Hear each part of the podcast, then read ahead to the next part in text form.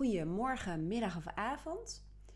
Een van de mensen die ik volg en die mij ongelooflijk inspireert is Marissa Peer, een Britse therapeut. En haar technieken gebruik ik ook in mijn coachpraktijk. Gisteren had ik een uh, Skype-sessie met een van mijn uh, klanten. Um, ik heb met haar een samenwerking um, waarbij zij gewoon een beroep één keer in de zoveel tijd op mij doet om, um, ja, om te sparren en om zich verder te ontwikkelen. En een van haar thema's is bijvoorbeeld dat zij uh, last heeft van de overgang van de zomer naar de herfst en van de herfst naar de winter. Oftewel, zoals mensen heel vaak noemen, een herfst- of een winterdepressie. Um, ik moet zeggen dat de coaching daarin ook heel lekker gaat. Dat, uh, dat ze veel minder last heeft. Maar um, het is niet haar favoriete seizoen. En ik zal je vertellen, ook niet van mij. Maar er is natuurlijk wel een groot verschil tussen uh, heel erg last hebben van een dip of een depressie. En je twee seizoenen lang uh, veel minder uh, fijn voelen. Dan dat je merkt dat de winter gewoon niet jouw favoriete seizoen is. En dat je weer verlangt naar de lente en de zomer. Dat is, dat is, dat is echt wel een heel groot verschil. Nou, zover zijn we gelukkig wel. En gisteren uh, legde ik haar iets uit. Uh, een techniek die dus uh, Marisa Peer heel veel inzet. Um, en um, ik wilde dat illustreren aan de hand met een voorbeeld. Die heb ik nog later naar haar toegestuurd met een spraakbericht. Dat doe ik trouwens ook in mijn membership. Dus mensen die een kwartaal of jaar of half jaar programma met me doen. Um, dat doen ze met een groep met andere mensen. En ik stuur ze vaak ook spraakberichten om ze weer verder te helpen in hun uh, ontwikkeling. Nou dacht ik alleen van, dit is wel een mooie om ook gewoon openbaar te delen. En dat kan, want ik heb haar naam ook niet uh, gebruikt. En misschien hebben jullie er wat aan. Misschien zit jij ook wel in zo'n uh, situatie waarin je um, echt wel hele leuke, fijne momenten hebt in de herfst en de winter. Maar dat je een gemis voelt naar de lente en de zomer. Soms helpt het om een stukje te begrijpen je merkt gewoon dat dat vaak um, al heel veel doet. Daarom wandel ik ook vaak met mensen, ook door bij wijze van spreken weer en wind, om ook naar de natuur te kijken. Want die hebben, de natuur heeft gewoon een bepaalde cyclus, of eigenlijk moet ik zeggen cycli. En jij bent onderdeel van de natuur en volgt ook bepaalde cycli die gewoon goed voor je lichaam en je geest zijn. Ik ga je eerst even een stukje theorie uh, um, geven van Marissa Peer. Dus um, als je meer van haar wil weten, ja, kijk dan vooral even op YouTube, want daar is echt heel veel waardevol materiaal.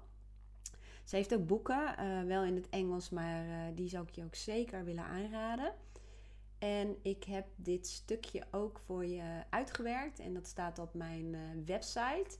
Dat vind je onderaan de blog met de video of de podcast die, eh, die je nu aan het luisteren bent.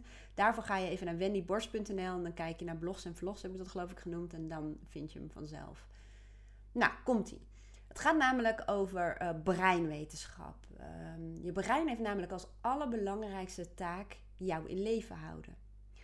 Daarom is je brein geprogrammeerd om pijn en gevaar te vermijden. Als dat op orde is, dan is een secundaire taak van je brein om jouw plezier te laten ervaren.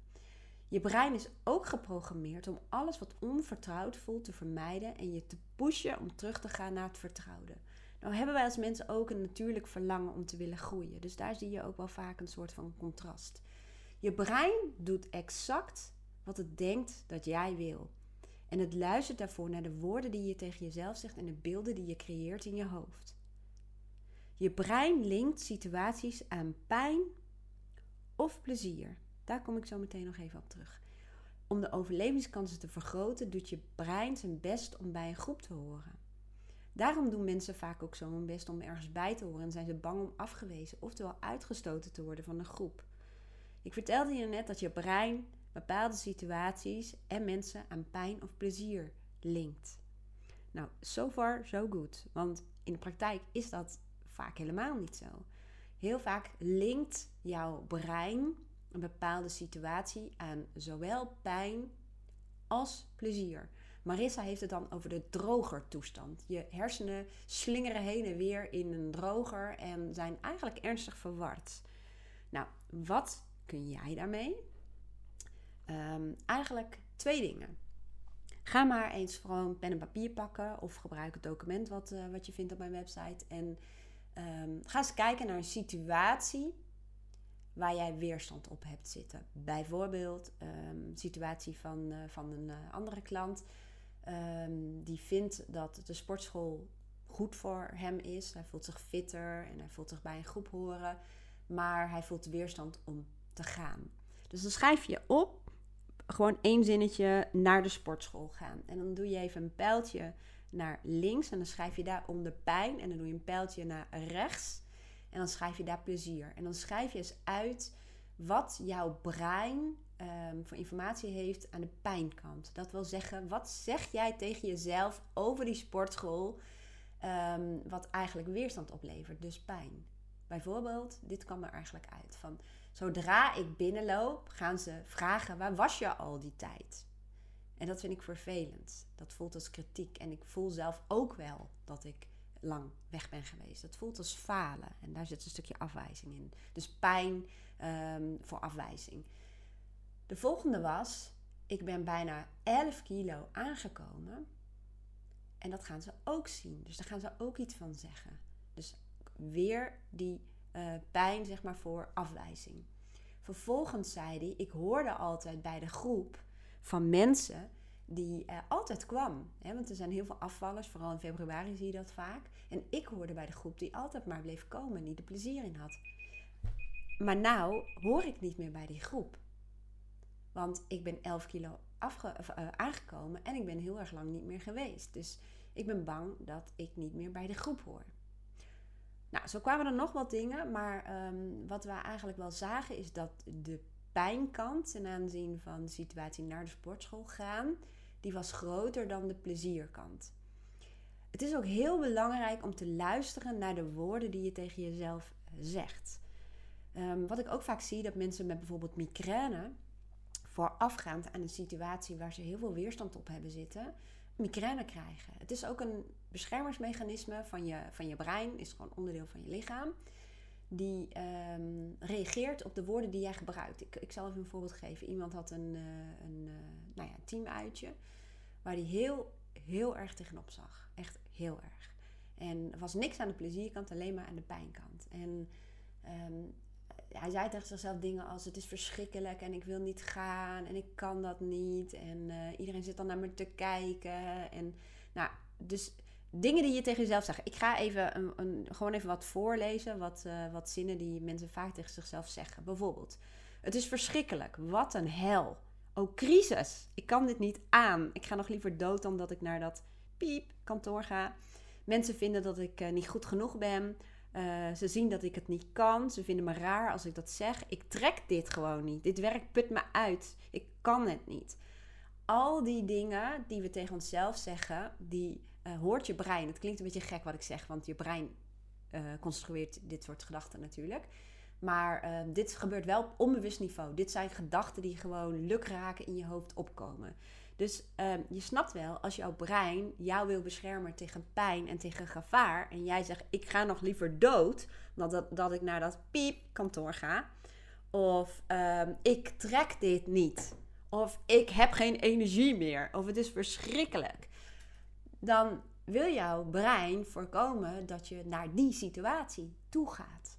En um, uh, ik wilde mijn geluid uitzetten, maar dat is niet zo heel erg lekker gelukt. Ik ga even mijn geluid uitzetten, want het leidt mij af en jou waarschijnlijk ook. Hoppa. Gelukt. Oké. Dus um, door de woorden die je kiest en ook de beelden die je in je, in je hoofd uh, construeert. Um, bijvoorbeeld zo'n beeld bij uh, zo'n teamuitje. Diegene zag al voor zich dat het, wat ze gingen doen, dat dat niet zou lukken en dat iedereen dat zou zien. En dat hij zich schaamde en dat hij misschien wel emotioneel zou worden. En daar reageert je brein op. En die zet een beschermingsmechanisme in. En in zijn geval was dat heel vaak migraine. Met als gevolg dat um, hij dat team uit je af moest blazen. En dan heeft jouw brein de taak volbracht. Zo werkt dat gewoon. Vaak zie je ook dus dat je lichamelijke klachten ook kunt relateren aan emotionele uh, problemen. Nou, ik zei al dat jij hier echt wel wat mee kan. Um, dus door die situatie op te schrijven waar je tegenop ziet, waar weerstand op zit. En onderzoek wat zeg je tegen jezelf over die bepaalde situatie of persoon. Het kan natuurlijk ook een persoon zijn. Ehm, schrijf het uit. Stap 1 is om daarnaar te kijken en te toetsen aan de wetten van de logica, zeg ik eigenlijk altijd. Dat komt uit rationeel-emotieve training. Zal ik je nu niet mee vervallen. Ver, ver, ver, wat wil ik zeggen? Vervelen. Dat woord zocht ik. Moeilijk woord.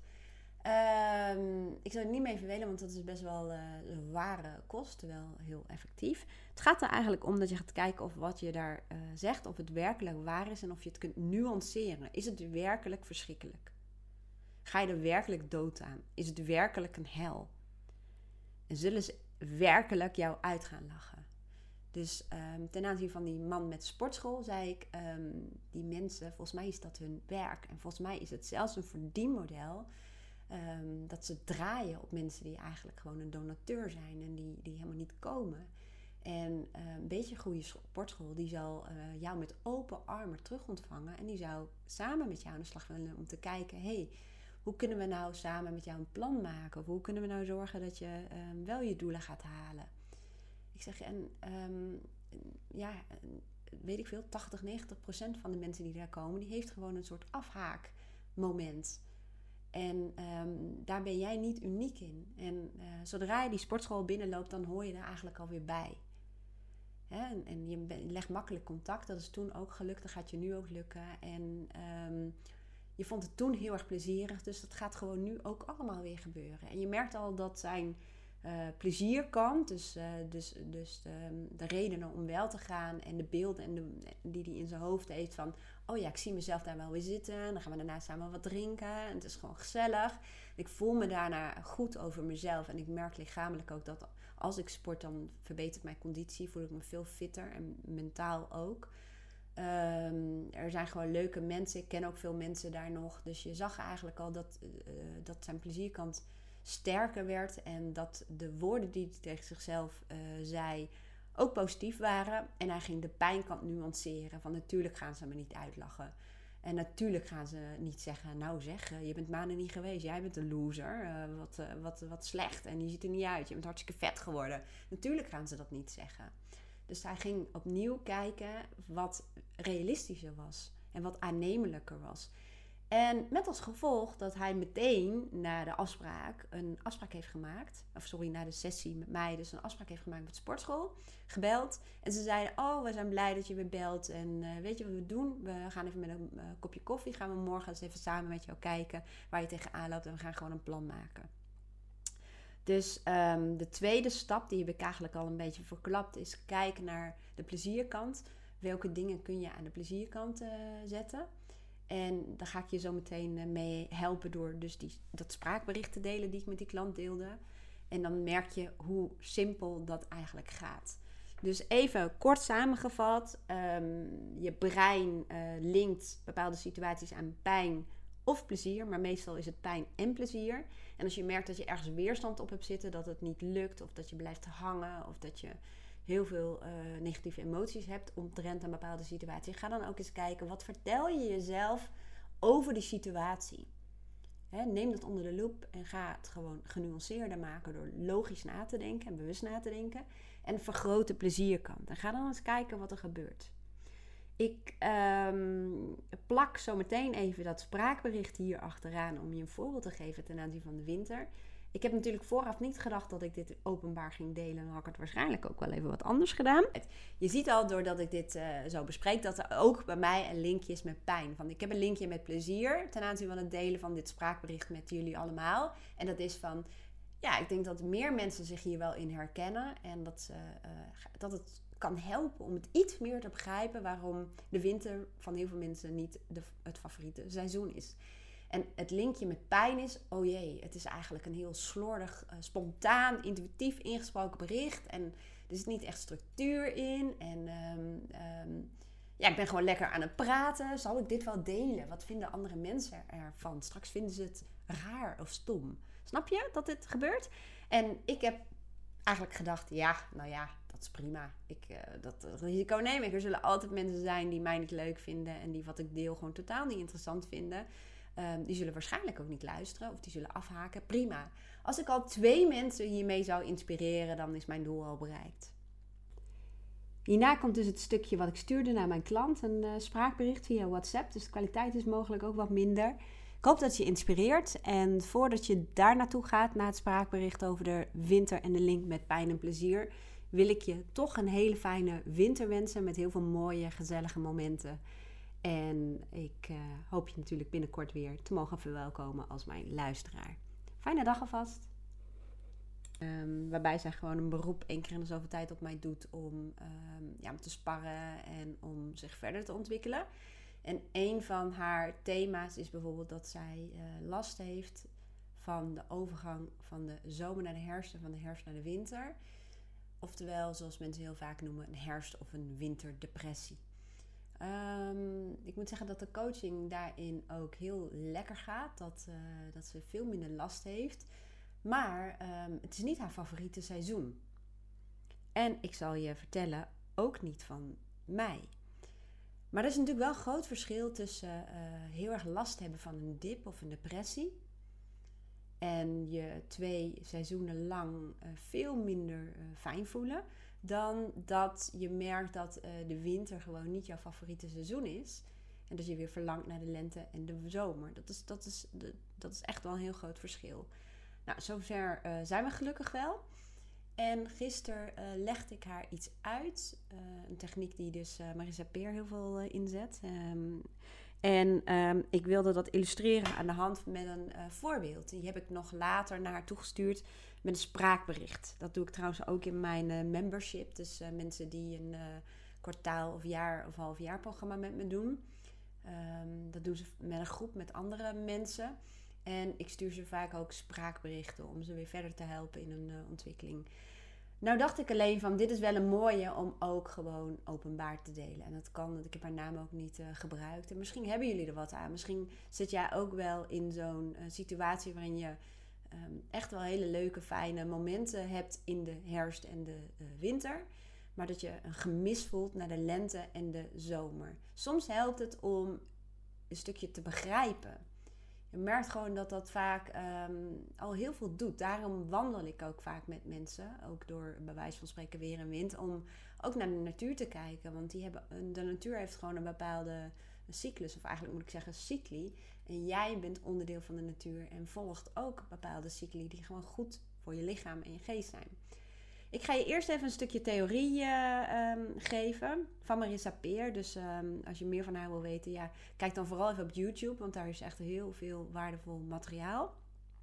Ze heeft ook boeken, uh, wel in het Engels, maar uh, die zou ik je ook zeker willen aanraden. En ik heb dit stukje ook voor je uitgewerkt en dat staat op mijn website. Dat vind je onderaan de blog met de video of de podcast die, eh, die je nu aan het luisteren bent. Daarvoor ga je even naar wendyborst.nl en dan kijk je naar blogs en vlogs, heb ik dat geloof ik genoemd. En dan vind je hem vanzelf. Nou, komt-ie. Het gaat namelijk over uh, breinwetenschap. Um, je brein heeft namelijk als allerbelangrijkste taak jou in leven houden. Daarom is je brein geprogrammeerd om pijn en gevaar te vermijden. Als dat op orde is, dan is een secundaire taak van je brein om jou plezier te laten ervaren. Je brein is ook geprogrammeerd om alles wat onvertrouwd voelt te vermijden en je te pushen om terug te gaan naar het vertrouwde. Nou hebben wij als mensen ook een natuurlijk verlangen om te willen groeien. Dus daar zie je ook wel vaak een soort van contrast. Je brein doet exact wat het denkt dat jij wil. En het luistert daarvoor naar de woorden die je tegen jezelf zegt en de beelden die je creëert in je hoofd. Je brein linkt situaties aan pijn of plezier. Daar kom ik zo meteen nog even op terug. Om de overlevingskansen te vergroten, doet je brein zijn best om bij een groep te horen. Daarom doen mensen vaak ook zo hun best om ergens bij te horen en zijn ze bang om afgewezen, oftewel uitgestoten te worden van een groep. Ik vertelde je net dat je brein bepaalde situaties en mensen aan pijn of plezier linkt. Nou, so far so good. Want in de praktijk is dat vaak helemaal niet zo. Heel vaak linkt jouw brein een bepaalde situatie aan zowel pijn als plezier. Marissa heeft het dan over de drogertoestand. Je hersenen slingeren heen en weer in een droger en zijn eigenlijk ernstig verward. Nou, wat kun jij daarmee? Um, eigenlijk twee dingen. Ga maar eens gewoon pen en papier pakken of gebruik het document wat, uh, wat je vindt op mijn website. En um, ga eens kijken naar een situatie waar jij weerstand op hebt zitten. Bijvoorbeeld um, situatie van, uh, van een uh, andere klant um, die vindt dat de sportschool goed voor hem is. Hij voelt zich fitter en hij voelt zich bij een groep horen, maar hij voelt weerstand om te gaan. Dus dan schrijf je op, gewoon één zinnetje naar de sportschool gaan. En dan doe je even een pijltje naar links en dan schrijf je daar onder pijn en dan doe je een pijltje naar rechts en dan schrijf je daar plezier. En dan schrijf je eens uit wat jouw brein um, voor informatie heeft aan de pijnkant. Dat wil zeggen, wat zeg jij tegen jezelf over die sportschool um, wat eigenlijk weerstand oplevert, dus pijn. Bijvoorbeeld, dit kwam er eigenlijk uit van zodra ik binnenloop, gaan ze vragen waar was je al die tijd? En dat vind ik vervelend. Dat voelt als kritiek. En ik voel zelf ook wel dat ik lang weg ben geweest. Dat voelt als falen. En daar zit een stukje afwijzing in. Dus pijn um, voor afwijzing. De volgende was: ik ben bijna 11 kilo aangekomen. En dat gaan ze ook zien. Dus daar gaan ze ook iets van zeggen. Dus weer die uh, pijn, zeg maar, voor afwijzing. Vervolgens zei hij: Ik hoorde altijd bij de groep van mensen die uh, altijd kwam. Hè? Want er zijn heel veel afvallers, vooral in februari zie je dat vaak. En ik hoorde bij de groep die altijd maar bleef komen en die er plezier in had. Maar nou hoor ik niet meer bij die groep. Want ik ben 11 kilo uh, aangekomen en ik ben heel erg lang niet meer geweest. Dus ik ben bang dat ik niet meer bij de groep hoor. Nou, zo kwamen er nog wat dingen, maar um, wat we eigenlijk wel zagen is dat de pijnkant ten aanzien van de situatie naar de sportschool gaan, die was groter dan de plezierkant. Het is ook heel belangrijk om te luisteren naar de woorden die je tegen jezelf zegt. Um, wat ik ook vaak zie, dat mensen met bijvoorbeeld migraine voorafgaand aan een situatie waar ze heel veel weerstand op hebben zitten, migraine krijgen. Het is ook een beschermingsmechanisme van je, van je brein, is gewoon onderdeel van je lichaam. Die um, reageert op de woorden die jij gebruikt. Ik, ik zal even een voorbeeld geven. Iemand had een, uh, een uh, nou ja, teamuitje waar hij heel, heel erg tegenop zag. Echt heel erg. En er was niks aan de plezierkant, alleen maar aan de pijnkant. En um, hij zei tegen zichzelf dingen als het is verschrikkelijk en ik wil niet gaan en ik kan dat niet en uh, iedereen zit dan naar me te kijken en nou dus dingen die je tegen jezelf zegt. Ik ga even een, een, gewoon even wat voorlezen, wat, uh, wat zinnen die mensen vaak tegen zichzelf zeggen. Bijvoorbeeld, het is verschrikkelijk, wat een hel. Oh, crisis, ik kan dit niet aan. Ik ga nog liever dood dan dat ik naar dat piep kantoor ga. Mensen vinden dat ik uh, niet goed genoeg ben. Uh, ze zien dat ik het niet kan. Ze vinden me raar als ik dat zeg. Ik trek dit gewoon niet. Dit werk put me uit. Ik kan het niet. Al die dingen die we tegen onszelf zeggen, die uh, hoort je brein. Het klinkt een beetje gek wat ik zeg, want je brein uh, construeert dit soort gedachten natuurlijk. Maar dit gebeurt wel op onbewust niveau. Dit zijn gedachten die gewoon lukraken in je hoofd opkomen. Dus um, je snapt wel, als jouw brein jou wil beschermen tegen pijn en tegen gevaar. En jij zegt, ik ga nog liever dood dan dat, dat ik naar dat piepkantoor ga. Of um, ik trek dit niet. Of ik heb geen energie meer. Of het is verschrikkelijk. Dan wil jouw brein voorkomen dat je naar die situatie toe gaat. En um, uh, ik wilde mijn geluid uitzetten, maar dat is niet zo heel erg lekker gelukt. Ik ga even mijn geluid uitzetten, want het leidt mij af en jou waarschijnlijk ook. Hoppa. Gelukt. Oké. Dus um, door de woorden die je kiest en ook de beelden die je in je, in je hoofd uh, construeert. Um, bijvoorbeeld zo'n beeld bij uh, zo'n teamuitje. Diegene zag al voor zich dat het, uh, wat ze gingen doen, dat dat niet zou lukken en dat iedereen dat zou zien. En dat hij zich schaamde en dat hij misschien wel emotioneel zou worden. En daar reageert je brein op. En die zet een beschermingsmechanisme in. En in zijn geval was dat heel vaak migraine. Met als gevolg dat um, hij dat teamuitje af moest blazen. En dan heeft jouw brein de taak volbracht. Zo werkt dat gewoon.